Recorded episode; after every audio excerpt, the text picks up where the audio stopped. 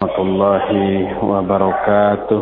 وعليكم السلام ورحمة الله إن الحمد لله نحمده ونستعينه ونستغفره ونعوذ بالله من شرور أنفسنا وسيئات أعمالنا. من يهده الله فلا مضل له ومن يضلل فلا هادي له. وأشهد أن لا إله إلا الله وحده لا شريك له وأشهد أن محمدا عبده ورسوله. يا أيها الذين آمنوا اتقوا الله حق تقاته ولا تموتن إلا وأنتم مسلمون. أما بعد فإن أصدق الحديث كتاب الله وخير الهدي هدي محمد صلى الله عليه وآله وسلم وشر الأمور محدثاتها وكل محدثة بدعة وكل بدعة ضلالة وكل ضلالة في النار Kuati fillah juga pendengar radio Roja di mana saja Anda berada, Alhamdulillah kita berjumpa kembali untuk melanjutkan kajian kita dari kitab Al-Usul As-Salasa yang pembahasan kita sudah sampai pada pembicaraan tentang surga. Poin terakhir yang sudah kita bahas tentang surga kemarin adalah tentang tingkatan tertinggi di surga yaitu al-wasilah sebuah tingkatan yang hanya dicapai oleh Rasul sallallahu alaihi wa alihi wasallam. Sekarang kita akan menengok kepada hal-hal yang ada di dalam surga. Pertama turbatul jannah. Tanah surga. Tanah surga adalah minyak kasturi dan kerikil-kerikilnya adalah berlian dan mutiara, sementara batu bata yang menjadi bahan bangunan di surga terbuat dari emas dan perak, sedangkan malapnya, malap itu adukan, adukan antara batu bata dengan batu lain. Itu juga dicampur minyak kasturi yang amat sangat wangi. Sedangkan tanahnya itu za'faron atau kunyit. Sebagaimana sebuah hadis yang diriwayatkan oleh Imam Ahmad At-Tirmizi Ad-Darimi dari Abu Hurairah radhiyallahu an dengan sanad yang oleh Syekh Al-Albani rahimahullah dimasukkan dalam silsilah al-ahadith as-sahihah juga beliau tahqiq dalam kitab Mishkatul Masabi bahwa Abu Hurairah radhiyallahu anhu bertanya ya Rasulullah mimma khuliqal khalqu wahai Rasulullah dari apakah diciptakannya makhluk? Beliau menjawab minma dari air. Qulna al-jannatu wa ma bina'uha sedangkan surga terbuat dari apa bangunan di surga? Beliau menjawab labinatun min dhahabin wa labinatun min fiddah wa malatuha al-miskul azfar وخصباؤها الدور واليقوت وتربتها الزعفران ومن يدخلها ينأم ولا يبأس ويخلد ولا يموت wala yabla siyabu wala yafni syababuhum. Kata Nabi SAW bangunan surga terdiri dari batu bata yang terbuat dari emas, batu bata yang terbuat dari perak, sedangkan adukannya menebar aroma minyak kasturi, kerikil-kerikilnya terdiri dari mutiara-mutiara dan yakut, tanahnya adalah kunyit yang tidak kotor, Siapa yang memasukinya, dia akan merasakan kenikmatan dan tidak akan merasakan kebosanan. Dia kekal dan tidak akan mati. Pakaiannya tidak akan lusuh dan kemudaannya tidak pernah sirna, akan tetap muda selama-lamanya. Itulah tanah dan bangunan di dalam surga. Selain itu di surga ada juga sungai-sungai.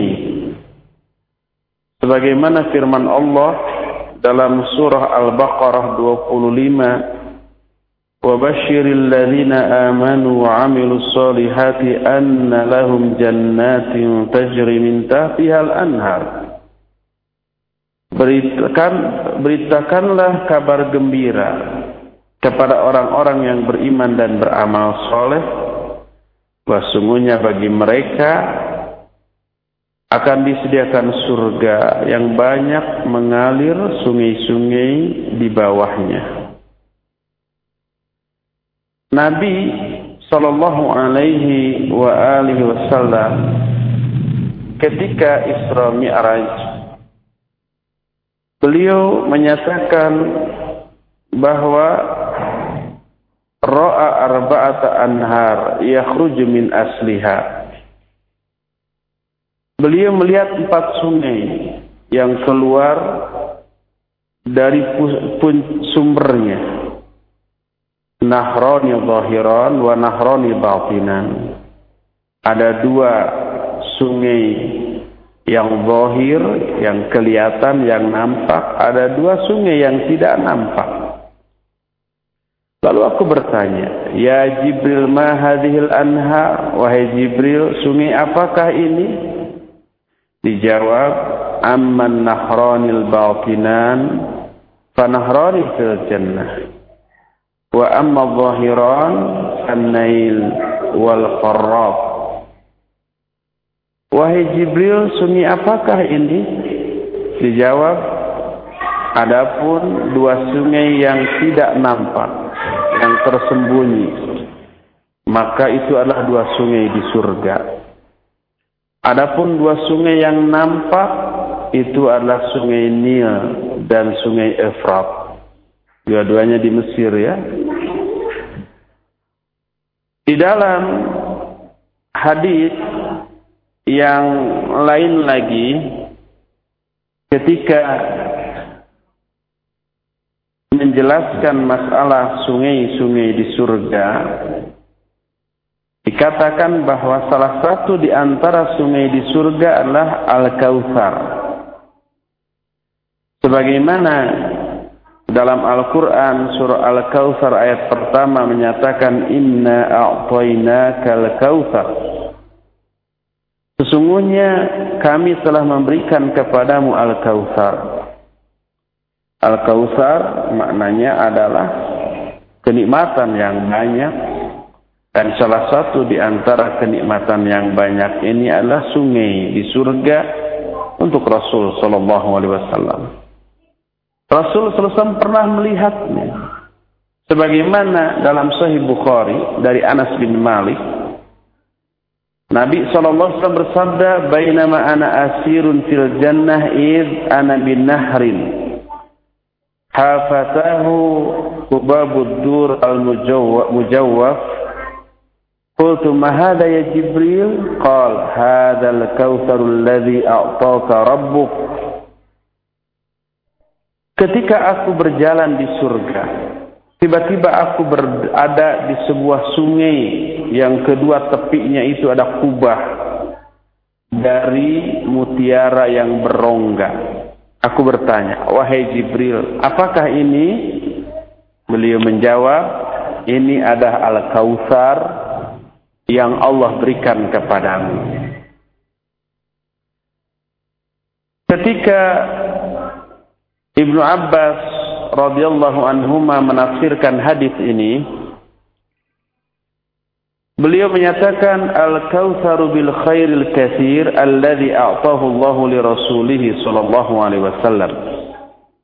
Al-kautsar kata Ibnu Abbas adalah kebaikan yang banyak yang Allah berikan kepada Rasul sallallahu alaihi wasallam. Berkata Abu Bashar kepada Sa'id bin Jubair tentang tafsir Ibnu Abbas ini. Kata Abu Bashar, "Innan unasan yaz'umuna annahu nahrun fil jannah." Bahwa orang-orang menyangka Al-Kautsar itu sebuah sungai di surga. Tapi kenapa Ibnu Abbas menafsirkan Al-Kautsar itu kebaikan yang banyak. Berkata Sa'id, An-nahru alladhi fil jannah min al-khair alladhi a'tahu Allah. Sungai yang ada di surga tersebut termasuk bagian dari kebaikan yang Allah berikan kepada Rasul sallallahu alaihi wasallam.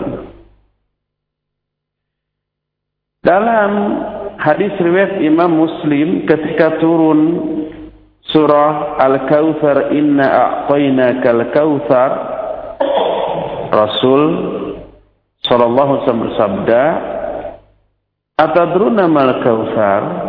Tahukah kalian apakah al-kautsar itu? Para sahabat menjawab Allah wa rasuluhu a'lam. Allah dan Rasulnya lah yang lebih tahu. Lalu beliau menjawab, huwa nahrun wa'adaniyahu Allah azza wa jalla alaihi khairun kathir. Al-Kautsar itu adalah sungai yang Allah janjikan untukku di surga. Dari sungai inilah terpancar banyak kebaikan. Jadi ayat dan hadis-hadis tadi menjelaskan tentang adanya sungai di surga dan salah satu di antara sungai di surga tersebut adalah Al-Kautsar. Lalu, apakah isi dari sungai di surga? Apakah air murni, tawar, ataukah apa? Al-Quran menyatakan sungai di surga itu bermacam-macam. Ada yang isinya air murni. Ada air yang isinya susu yang tidak pernah basi, tidak pernah asam, ada air, ada sungai dari khamr. Tetapi tidak membuat mabuk. Ada juga sungai dari madu. Ini Allah jelaskan dalam Al-Quran surah Muhammad ayat ke-15. Kata Allah, "Masalul jannati allati wa'idal muttaqun fiha anharu min ma'in ghairi asin wa anharu min labanin lam yataghayyar ta'muhu wa anharu min khamrin ladzatin lisyaribin wa anharu min asalin musaffa." Perumpamaan surga yang disediakan bagi orang-orang yang bertakwa di dalamnya itu ada sungai-sungai dari air yang tidak asin, airnya tawar, murni. Ada sungai dari susu yang tidak pernah berubah rasanya. Kalau di dunia semalam saja susu itu dibuat dibiarkan terbuka, tidak disimpan di freezer, sudah berubah ya baunya dan rasanya asam diminum mencret. Di surga enggak begitu. Lam yataghayyar Tidak pernah berubah rasanya. Ada sungai dari khamr Ladzatil lisyaribin tapi begitu lezat bagi orang-orang yang meminumnya dan tidak membuat mabuk. Dan wa anharu min asali musaffa ada juga sungai dari madu yang murni. dan tidak akan dikerubuti lebah, lalat ataupun semut di sana. Tidak seperti di dunia. Diperjelas dalam sebuah hadis dalam Sunan At-Tirmidzi dengan sanad yang sahih dari Hakim bin Muawiyah Rasul sallallahu alaihi wasallam bersabda inna fil jannati bahrul asal wa bahrul khamr wa bahrul laban wa bahrul ma thumma tanshaqqul anharu ba'd Sesungguhnya di surga ada sungai madu sungai khamar, sungai susu, dan sungai air. Lalu terpancarlah, eh, bukan sungai Afan, bahrun, lautan. Sesungguhnya di surga ada lautan, madu ada lautan, khamar, lautan susu, dan lautan air. Kemudian dari sana terbentuklah sungai-sungai dari masing-masing jenis cairan tadi. Jadi sungai madu, sungai khamar, sungai air, sungai susu, dan hadis ini sanadnya sahih. Hadis ini membantah orang-orang yang beranggapan bahwa sungai madu, sungai susu, sungai khamar dan sungai air itu sekedar permisalan kata mereka. Karena ayat menyatakan masalul jannatil lati idal muttaqun perumpamaan atau permisalan surga yang disediakan bagi orang-orang yang bertakwa bukan hakiki hanya perumpamaan atau permisalan. Itu keliru. Hakiki yang sebenarnya di surga itu. Sebab diperjelas dengan hadis Nabi yang barusan bahwa sesungguhnya di surga ada lautan madu, lautan khamr, lautan susu, lautan air. Kemudian dari sana terbentuklah sungai dari masing-masing jenis cairan tadi. Dalam hadis lain diriwayatkan oleh Imam Ahmad dalam Mu'jam At-Tabrani dalam Mustadrak Al-Hakim dari Ibnu Abbas radhiyallahu anhu dengan sanad yang hasan. Wa Rasul SAW menyatakan asyuhada'u ala bariqi nahrin bibabil jannah. Fi qubbati khadra. Yakhruju alaihim rizquhum minal jannah bukrata wa asiyya. Bagi para syuhada, mereka akan berdiri di sebuah sungai yang namanya Sungai Bariq di pintu surga di atas sebuah kubah yang hijau. Keluarlah rizki untuk mereka dari surga setiap pagi dan petang. Hadis ini sahih. Sebagaimana Syalbani mentahkik dalam kitab Al-Jami'us Saghir, Sahih Al-Jami'us Saghir. Hadis ini menyatakan, menjelaskan tentang kondisi para syuhada di alam barzakh, di alam kubur. Sebagaimana dijelaskan bahwa yakunu syuhada fil barzakh inda hadzal nahri alladhi yusama bariq yakunu ala babil jannah para syuhada di alam barzakhnya berada di sungai ini yang disebut dengan bariq yang berada di pintu surga dan hadis ini menyatakan para syuhada di alam kuburnya itu berada di sungai Bariq tersebut keluarlah setiap pagi dan petang rizki dari surga melalui sungai tersebut. Inilah beberapa keterangan baik dalam Al-Quran ataupun hadis yang sahih bahwa di surga ada sungai-sungai. Selain sungai, di surga juga ada mata air-mata air. Kata orang Sunda mah cayusu. Cayusu itu mata air yang biasa keluar dari tanah atau keluar dari rembunan pohon yang rindang biasanya airnya itu adem sejuk dan penuh dengan mineral-mineral yang dibutuhkan oleh tubuh manusia di surga ada mata air seperti yang diungkap oleh Allah dalam Al-Quran surah di antaranya Al-Quran surah Al-Hijr ayat 45 innal muttaqina fi jannati wa uyun. Sesungguhnya orang-orang muna, orang-orang takwa berada di dalam surga wa uyun dan mata air-mata air. Al-Mursalat 41 Innal muttaqina fi dhilali wa uyun Sesungguhnya orang-orang bertakwa akan berada dalam naungan-naungan dan mata air-mata air. Ar-Rahman 50 dan 66 lebih merinci keterangan tentang mata air tersebut. Kata Allah, Fihima ainani tajriyan. Di, kedua surga itu ada mata air, ada dua mata air yang tajrian, yang mengalir.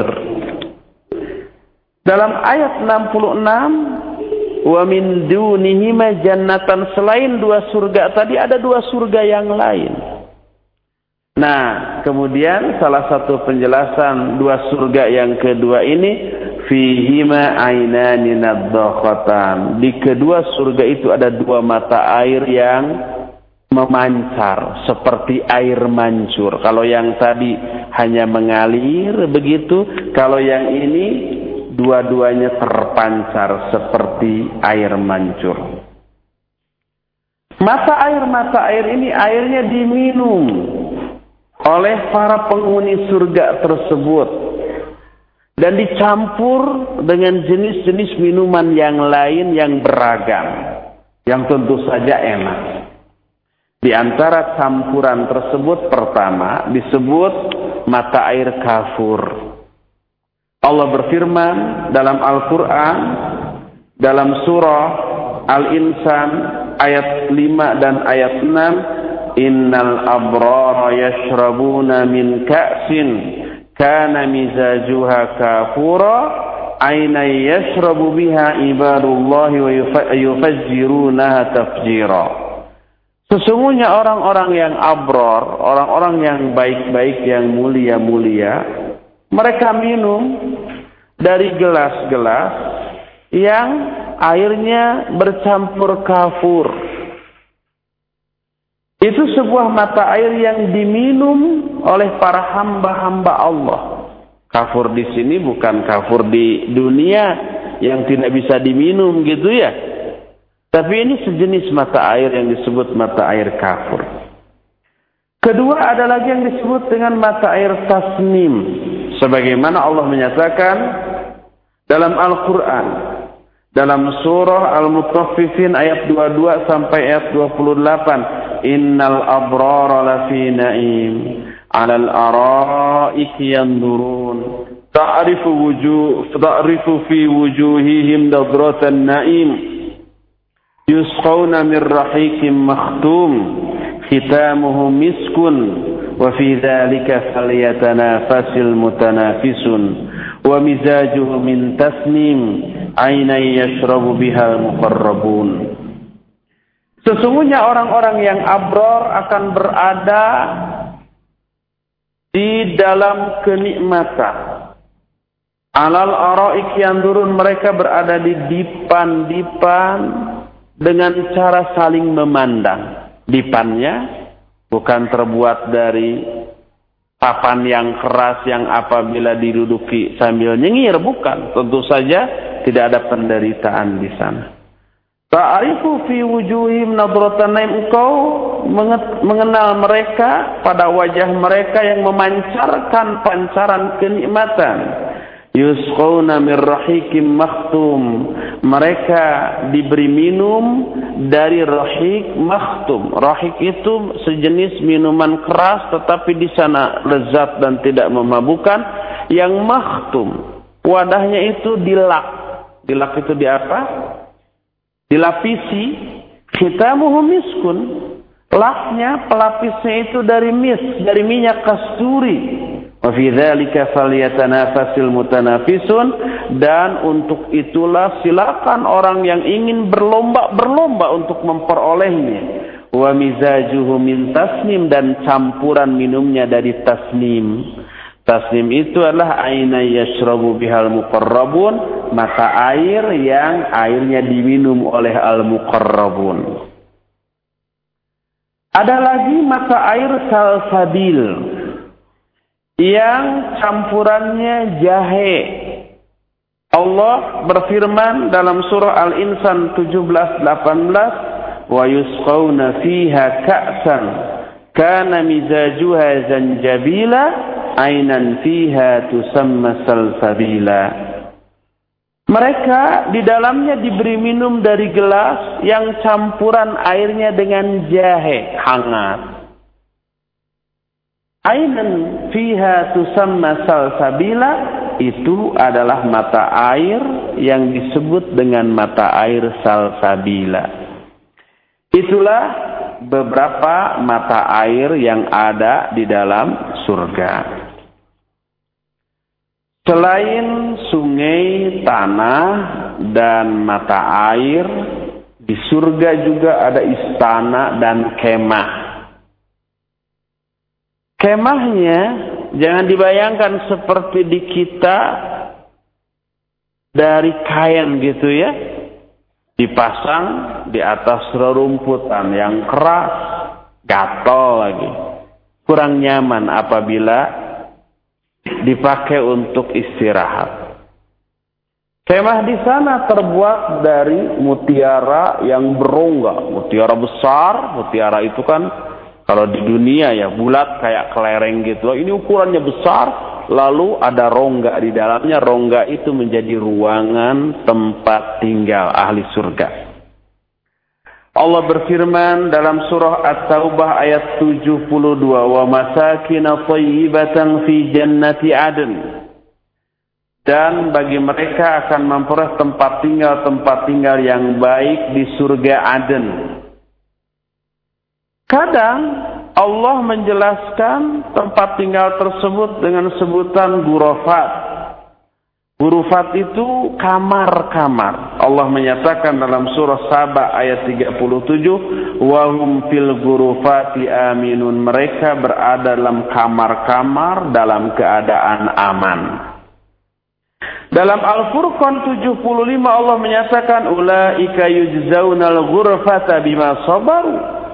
Mereka lah orang-orang yang akan dibalas dengan kamar-kamar di surga karena kesabaran mereka. Juga dalam surah Az-Zumar ayat ke-20 Allah menyatakan Lakinil ladina taqaw taqaw rabbahum lahum ghuraf min fawqiha ghuraf mabniyatun tajri min tahtiha al-anhar wa'dallahi la yukhlifullahu al-mi'ad. Akan tapi orang-orang yang bertakwa kepada Allah bagi mereka akan ada kamar-kamar. Yang di atasnya ada kamar lagi yang dibangun di bawahnya mengalir sungai-sungai. Itulah janji Allah dan Allah tidak memungkiri janjinya.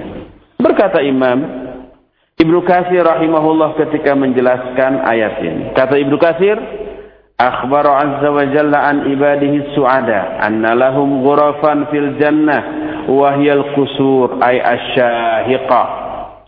Allah dalam ayat ini mengabarkan tentang orang-orang hamba-hambanya yang berbahagia bahwa bagi mereka akan ada kamar-kamar di surga dan yang dimaksud kamar ini adalah istana-istana di surga. Min fauqiha ghurafun mabniyah, di atasnya ada kamar-kamar yang dibangun, maknanya adalah bertingkat-tingkat itu kamar dengan dihiasi dengan hiasan indah yang tiada taraknya di dunia ini. Sampai dijelaskan dalam sebuah hadis yang diriwayatkan Imam Ahmad dalam kitab Musnadnya, Imam Ibn Hibban dalam kitab Sahihnya, dari Abu Malik Al-Ash'ari, juga Imam At-Tirmidzi, tapi dari Ali bin Abi Thalib. Rasul SAW bersabda, Inna fil jannata ghurafan, yura zahiruha min batiniha, wa batinuha min zahiriha. A'addaha Allah Ta'ala liman at'ama ta'am wa alana al-kalam wa taba'a siyam wa shalla bil Sesungguhnya di surga ada beberapa kamar yang Zohirnya kelihatan dari batinnya, luarnya kelihatan dari dalamnya. Dalamnya keluar kelihatan juga dari luarnya. Allah menyediakan kamar ini bagi pertama orang yang suka memberikan makanan kepada orang lain, orang yang suka melunakkan ucapannya, lemah lembut gitu ya, ramah, dareh deh, biar marahmai, tidak kasar, tidak keras, tidak membentak-bentak, tidak sambil melotot. Wataba asyam, dia juga rajin saum. Wasalla bil lail wan nasu niyamun, dia juga sering melakukan sholat malam pada saat orang-orang sedang tidur terlelap. Dalam surah Ar-Rahman 72 Allah pun menyatakan hurum maqsuratun fil khiyam. Kata Allah ada nanti bidadari-bidadari surga. Hurum maqsuratun fil khiyam yaitu bidadari-bidadari yang maksurat fil khiyam. Yang terpelihara di dalam kemah-kemah. Kemah ini begitu menakjubkan. Fahiyya min lu'lu. Terbuat dari lu'lu, dari mutiara. Tapi lu'lu ini satu, mutiara ini satu yang mujawaf, yang berongga, yang panjangnya ke, ke, ke tingginya secara vertikal setinggi 60 mil.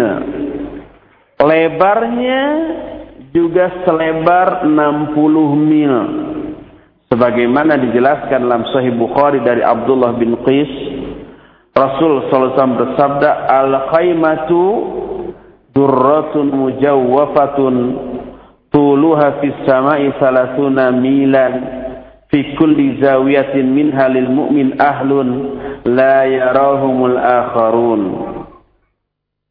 Qala Abu Abdus Somad wal Haris an Abi Imran situna mila. Kata Nabi SAW, kemah di surga terbuat dari mutiara berongga. Tingginya dalam satu riwayat 30 mil. Dalam riwayat lain dari Abu Abdus Somad dan Al Haris dari Abu Imran 60 mil.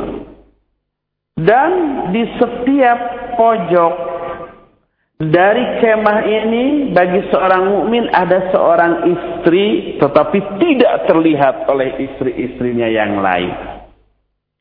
Dalam hadis riwayat Imam Muslim masih dari Abdullah bin Qis. Inna lil mu'minina fil jannah la khaymatan min lu'lu'tin wahidatin mujawwafatin tuluha sittuna mila lil mu'minina fiha ahlun yatufu alaihimul mu'minun fala yara ba'duhum ba'dha. Sesungguhnya bagi seorang mukmin di surga ada sebuah kemah terbuat dari mutiara satu mutiara yang berongga, tingginya 60 mil dan bagi seorang mukmin di satu kemah itu ada beberapa istri Si orang mukmin ini menggilir seluruh istri-istrinya, tapi satu sama lain dari istri-istrinya tidak saling melihat. Aman. Tidak ada yang cemburu. Ini keadaan surga atau apa kemah di surga. Dalam Sahih Bukhari dan Sahih Muslim dari Abu Hurairah radhiyallahu anhu.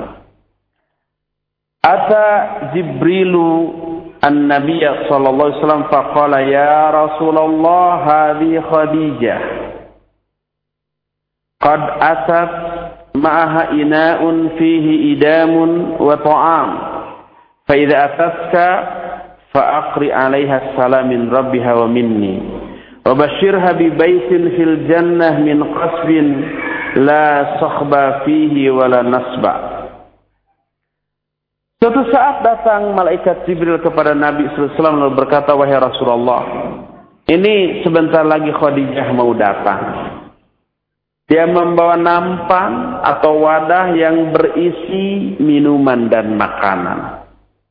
Kalau nanti dia datang sampai kepadamu, sampaikan salam dari Allah dan dari aku.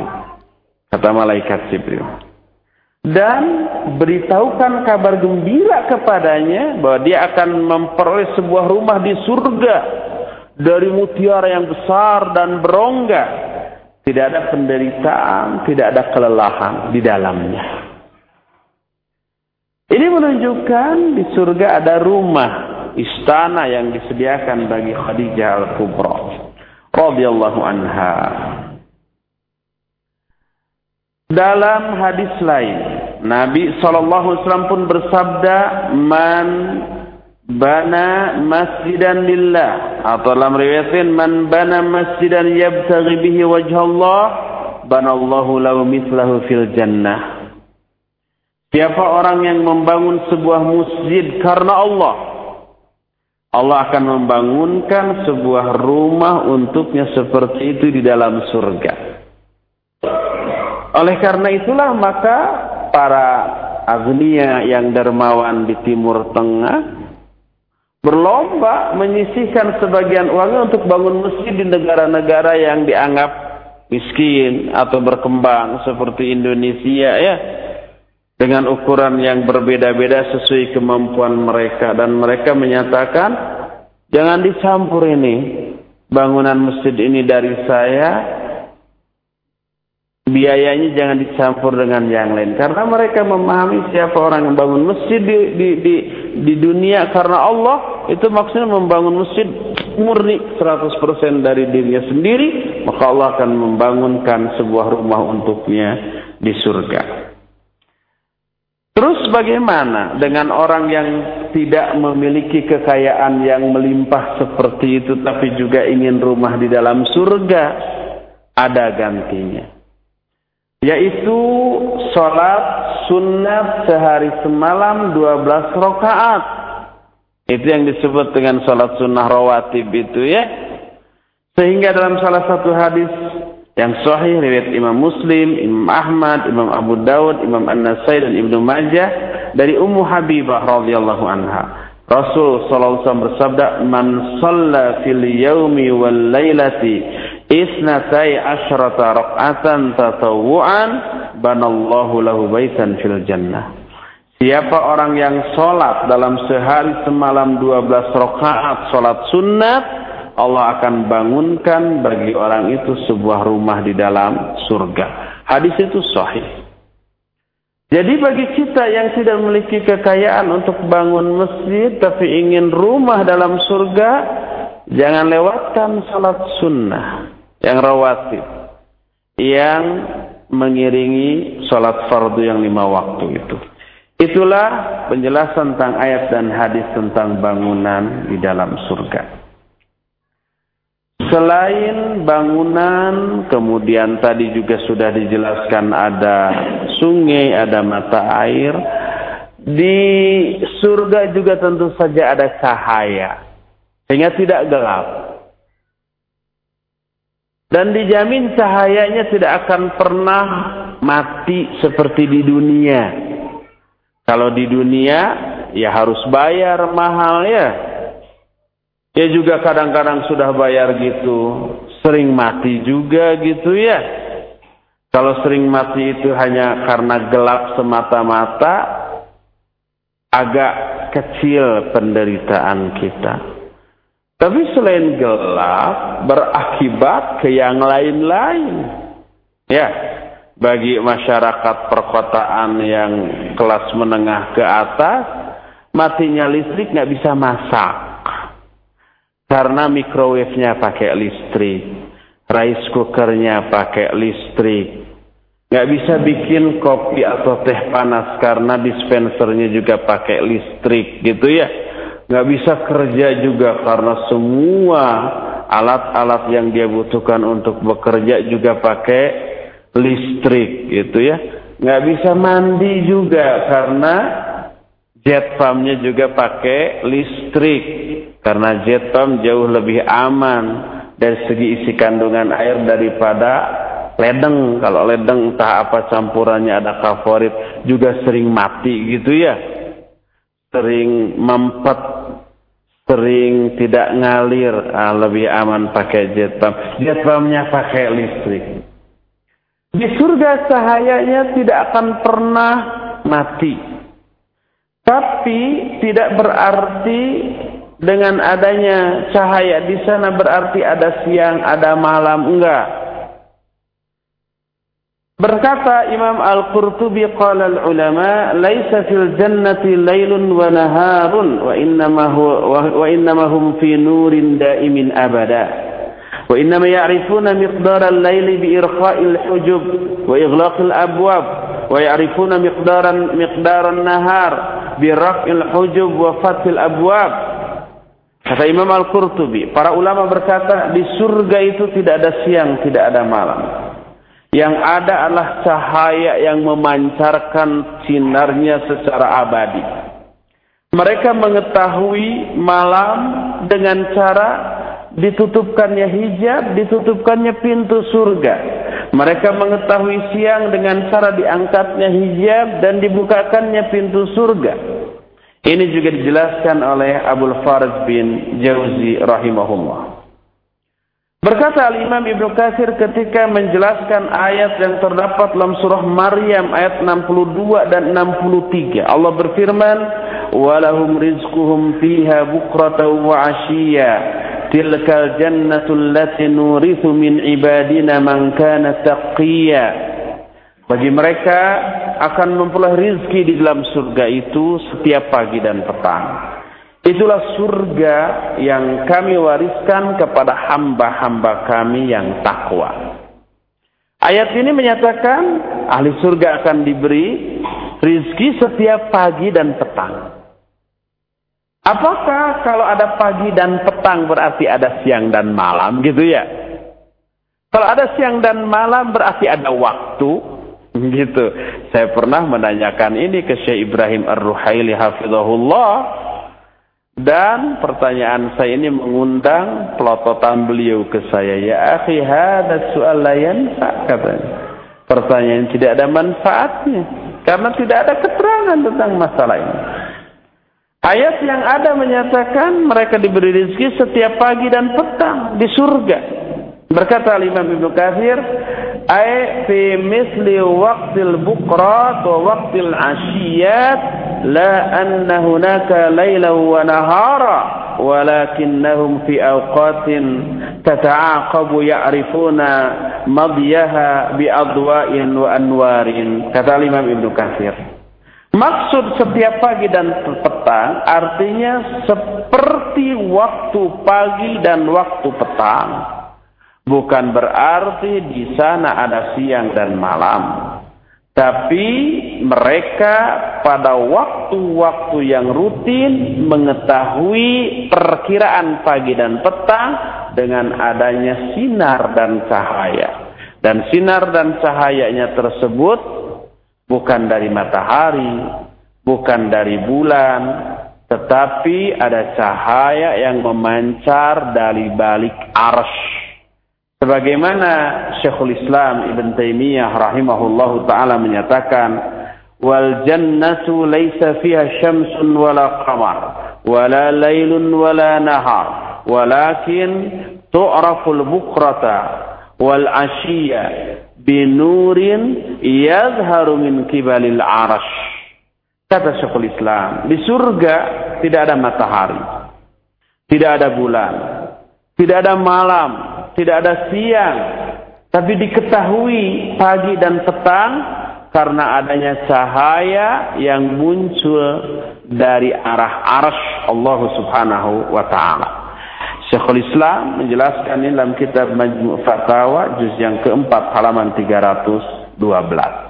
Itulah cahaya yang ada di surga. Selain itu, surga memiliki aroma wewangian yang amat sangat harum. Harum bagi seluruh manusia yang menghisapnya secara sepakat. Kalau di alam dunia ada parfum yang wangi menurut sebagian orang, tapi menurut sebagian yang lain bau yang nggak enak gitu ya. Sampai beberapa orang kalau mencium bau parfum ter tertentu dia menahan nafas. Karena kalau enggak mual kemudian muntah. Itu di dunia. Tapi di surga aroma harumnya itu disepakati keharumannya dengan keharuman yang enak oleh setiap orang. Dan aroma surga itu bisa tercium dari jarak yang amat sangat jauh. Sebagaimana Rasul SAW bersabda dalam salah satu hadis dalam kitab Musnad Ahmad, Sunan An-Nasai, Sunan Ibnu Majah, Mustadrak Al-Hakim dengan sanad yang sahih. Rasul SAW bersabda, "Man qatala rajulan min ahli zimma lam yajid rihal jannah." Wa inna rihaha la yujadu min masirati sab'ina aman. Siapa orang yang membunuh kafir ahdi Kafir ahdi, kafir yang berada di bawah jaminan pemerintah Islam karena adanya perjanjian perdamaian. Atau kafir zimmi. Kafir zimmi adalah kafir yang berlindung di bawah kekuasaan pemerintah Islam dan membayar upeti untuk perlindungannya itu. Siapa orang yang membunuh kafir zimmi, maka orang yang membunuhnya itu tidak akan bisa mencium baunya surga. Padahal baunya surga akan tercium dari jarak 70 tahun perjalanan. Sejauh itu kecium. Dari sini umpamanya tempat terjauh dari Indonesia kan Amerika ya karena berada di persis di balik dunia yang kita injak ini ya.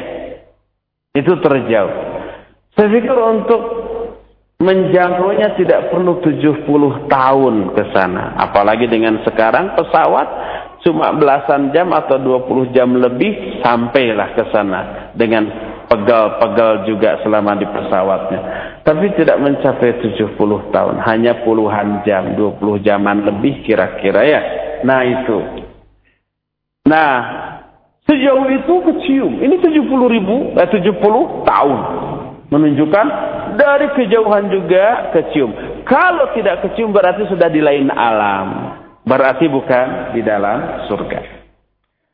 Dalam hadis riwayat Imam Bukhari, Imam Ahmad, An-Nasai, Ibnu Majah dan yang lain-lain dari Abdullah bin Amr Rasul wasallam bersabda, "Man qatala muahidan lam yurih raihatal jannah. Siapa orang yang membunuh kafir ahdi, kafir ahdi kafir yang mengadakan perjanjian damai dengan kaum muslimin, maka dia tidak akan bisa mencium baunya surga. Ini menunjukkan bahwa surga itu memiliki aroma wangi yang amat sangat enak bagi orang-orang yang menciumnya. Selain cahaya dan aroma, di surga juga ada pohon-pohon dan ada buah-buahan. Dari pohon tersebut dengan buah-buahan yang bervariasi. Allah berfirman dalam banyak ayat di antaranya surah An-Naba ayat 31 sampai 32. Inna lil muttaqina mafaz hadaiqa wa anaba. Sesungguhnya bagi orang-orang yang bertakwa di surga nanti ada keberuntungan. Hadaiqa wa anaba. Ada hadaik. Hadaik jamak dari hadiqah, taman, kebun, wa anaba. Dan juga ada anggur-anggur, buah-buahan. Fihi mafakihatu wa nakhlu wa rumman. Di dalam surga itu ada buah-buahan ada kurma, ada rumman. Rumman itu po, buah delima. Di dunia, delima kurang begitu disukai, jarang ya. Bahkan saya belum pernah melihat di supermarket gitu ada buah-buahan yang namanya delima gitu ya.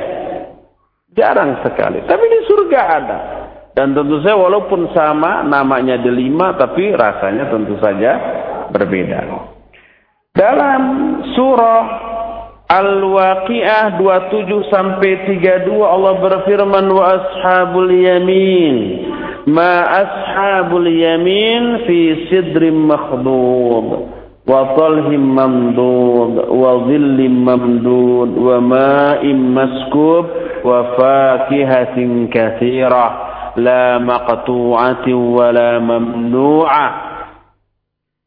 Kata Allah ada golongan kanan.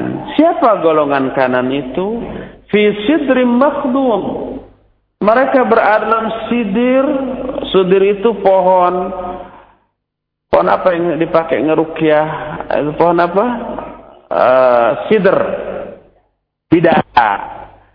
Pohon ada pohon bidara yang makhdud. Makhdud itu adalah pohon yang duri-durinya itu sudah dicopoti. Sehingga tidak berbahaya lagi mual deh gitu. Tidak akan melukai kita lagi. Ada bidara-bidara yang tidak berduri. Wafal mamdud. Ada pisang, pohon posong, pisang yang tersusun. Wazillim mamdud. Ada naungan yang rindang, yang terbentang. Nanti segimana rindangnya dan terbentangnya nanti akan dijelaskan dalam hadis bahwa pohon tersebut itu seribu tahun perjalanan juga tidak akan apa namanya terlewati kerindangannya saking luasnya itu rindangan pohon yang ada di son di surga. Di dalam ayat yang ke-53 dari surah Ar-Rahman Allah menyatakan fihi min kulli fakihatin zawjan. Di kedua surga itu masing-masing ada buah-buahan yang berpasang-pasangan dalam surah Sad ayat yang kelima yad'una fiha bifakihatin katsiratin wa syarabin. Mereka di dalamnya diberi buah-buahan yang banyak dan juga minuman. Wa fakihatin mimma yatakhayyarun. Mereka memperoleh buah-buahan yang mereka pilih sendiri. Inna lil mutta innal muttaqina fi dhilali wa uyun wa fawakiha mimma yashtahun sesungguhnya orang-orang orang-orang takwa berada dalam naungan-naungan dan mata air-mata air wa fawakiha mimma yastaun dan buah-buahan yang amat sangat mereka inginkan. Apa yang mereka konsumsi, yang mereka santap berupa buah-buahan, atau apa pun itu adalah makanan yang amat sangat mereka inginkan dan amat menyenangkan ketika dilihat, ketika dipandang. Umpamanya ya di, di dunia saja kita melihat buah-buahan yang bentuknya indah, bagus, enak dipandang, rasanya juga luar biasa enaknya. Nah di surga boleh dikatakan kalau di dunia di dunia ini jarang ada buah enak dipandang, enak juga dimakan. Ada enak dimakan, bentuknya mengerikan seperti durian, ya. Enak durian. Tapi bentuknya mengerikan. Sampai ketika ada orang Arab, salah seorang ustaz dari Saudi, ketika menjelaskan tentang buah hamdalah yang aromanya mani, eh, aromanya wangi, rasanya juga manis. Dia bertanya, eh, ada ada ada apa namanya seorang talib, seorang siswa bertanya, "Oh, masyaklu gitu. Gimana bentuknya hamdalah itu?" Dia menjelaskan. Dia bilang, "Di sinilah di Indonesia apa yang wangi dan enak."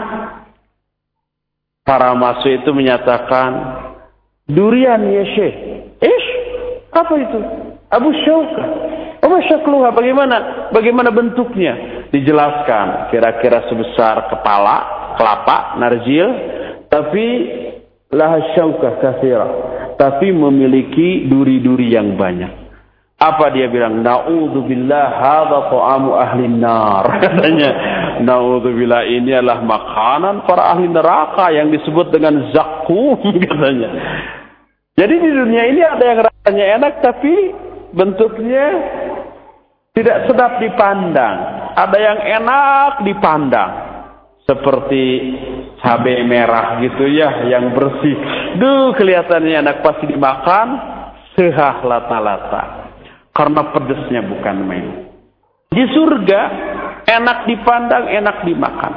Dan ingin diinginkan oleh jiwa kita. Allah berfirman dalam Al-Quran surah Az-Zukhruf ayat 72, "Yudhafu alaihim bisihafin min dhahabin aw wa aqwabin wa fiha ma tashtahil anfus wa taladdul a'yun."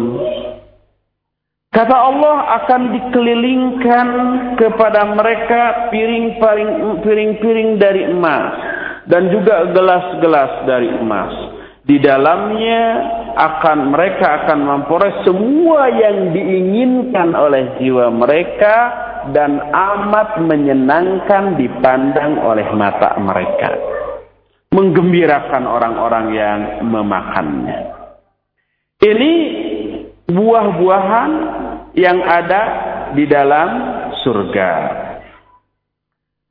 Selain itu, keistimewaan buah-buahan di surga adalah bahwa buah-buahan itu begitu banyak jumlahnya, bervariasi dan tidak pernah habis. Sebagaimana Allah menyatakan, "Masalul jannati allati wa'idal muttaqun tajri min tahtihal anhar ukuluha daimun wa dhilluha." Perumpamaan surga yang disediakan bagi orang-orang bertakwa, di bawahnya mengalir sungai-sungai, dan buah-buahannya terus-menerus ada. Demikian juga naungannya. Kalau di dunia, buah-buahan itu tidak selamanya ada, tapi musim-musim tertentu. Musim mangga berlalu, paling beberapa bulan, dua, tiga, maksimal empat bulan. Hilang mangga muncul duku dua tiga bulan. Hilang duku muncul lagi yang lain lagi. Terus tidak selama-lamanya ada. Di surga itu selamanya. Allah menyatakan wa fakihatin katsirah la maqtu'ati wa la mamnu'ah. Ada buah-buahan yang banyak tidak terputus, tidak tercegah. Maksud tidak terputus adalah daiman mus, daimatan mustamirratan jadi terus-terus ada, tidak pernah habis, tidak pernah musnah, tetapi selama-lamanya ada. Itu buah-buah. Adapun pohon-pohonan di surga. Pohon di surga memiliki cabang, dahan, dan ranting. Sebagaimana Allah berfirman, Zawata afnan. Kata Allah, "Wa liman khafa maqama rabbih jannatan, fa bi ayyi ala'i rabbikuma tukadziban dawata afnan." Bagi orang-orang yang takut kepada kedudukan Allah, mereka akan memperoleh dua surga. Maka nikmat Allah yang mana lagikah yang akan kalian dustakan?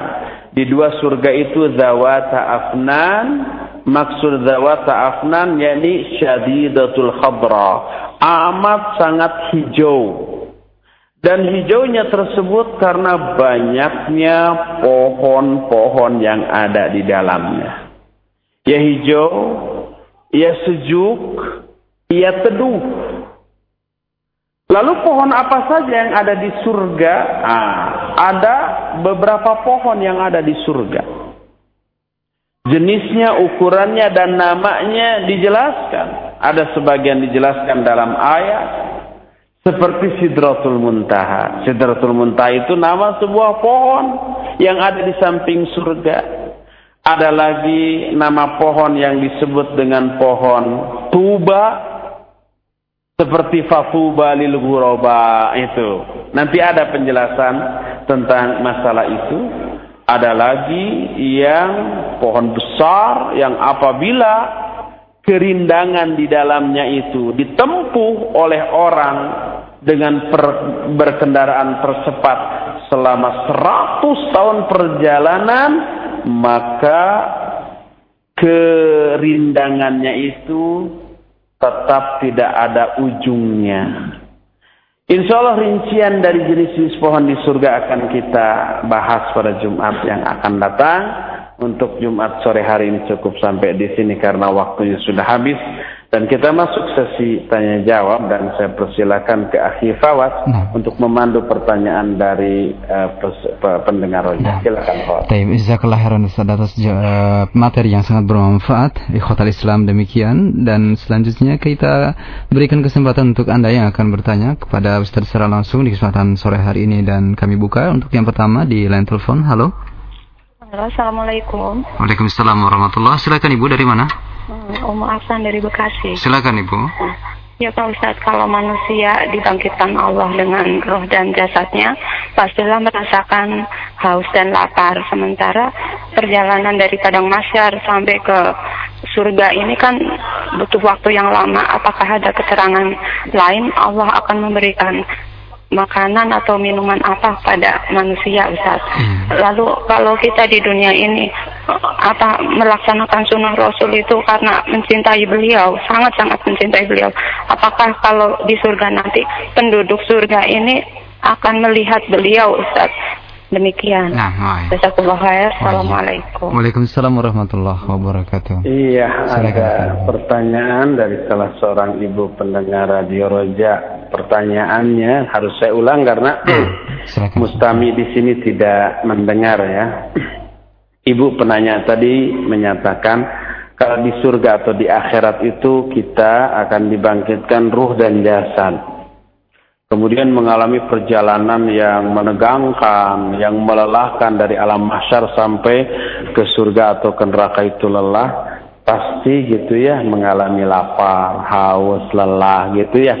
Apakah akan diberi makan? Kalau diberi makan apa makanannya? Iya. Iya, pertanyaan ini ya e, didasarkan kepada apa yang kita alami di dunia otomatis di dunia berlakulah semua hukum-hukum Allah atau sunnatullah al-kauniyah yang Allah terapkan di dunia. Kalau di dunia ya, kalau nggak makan lama pasti lapar, kalau nggak istirahat pasti capek, kalau tidak minum pasti haus, kalau kepanasan pasti berkeringat. Itu di dunia. Itu sunnatullah atau aturan Allah yang Allah terapkan di dunia. Adapun di akhirat, aturan Allah yang Allah berlakukan di akhirat itu berbeda dengan yang di dunia. Sering saya jelaskan di akhirat nanti manusia itu berkeringat. Keringatnya sampai ada yang merendam, sampai semata kaki, sampai sebetis, selutut, ada yang sampai tenggorokannya. Kalau itu terjadi di dunia mustahil bisa dehidrasi gitu ya, masa keringat sebanyak itu. Tapi di akhirat itu terjadi. Dan itulah aturan Allah yang Allah terapkan khusus di akhirat yang berbeda dengan di dunia. Di dunia yang berbicara mulut, tangan, kaki, dan yang lain-lain tidak. Di akhirat mulut dikunci. Yang berbicara malah tangan, kaki gitu ya. Kulit, eh, kemudian tulang. Itu yang berbicara berdasarkan keterangan Al-Quran. Jadi ketetapan atau sunnatullah al-kauniyah di akhirat dengan di dunia berbeda.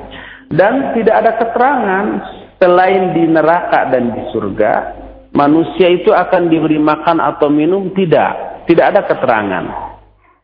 Nah, adapun ada keterangan di manusia diberi makanan di akhirat hanyalah di surga atau di neraka.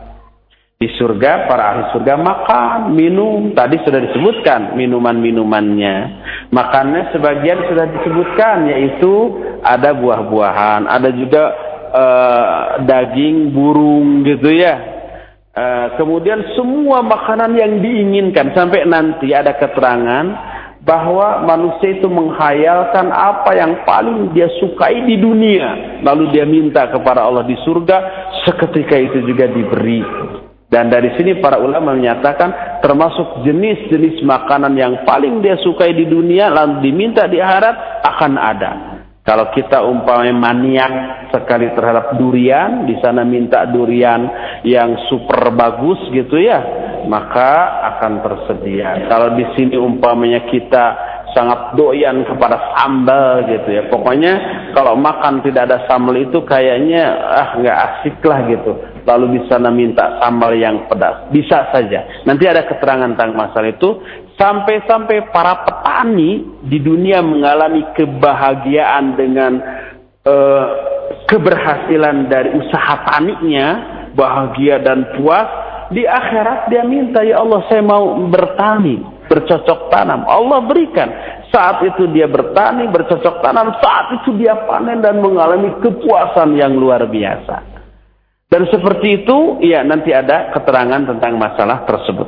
Jadi walhasil di akhirat tidak ada makanan dan minuman kecuali di surga atau di dalam neraka. Itu yang pertama. Hmm. Kedua, pertanyaan kedua, apakah kita nanti sebagai seorang mukmin tapi dengan tingkatan yang rendah umpamanya ya di akhirat terus masuk surga tapi surganya terendah akan bisakah melihat atau bertemu dengan Rasul SAW ini sebuah pertanyaan menarik, menggelitik dan bikin penasaran.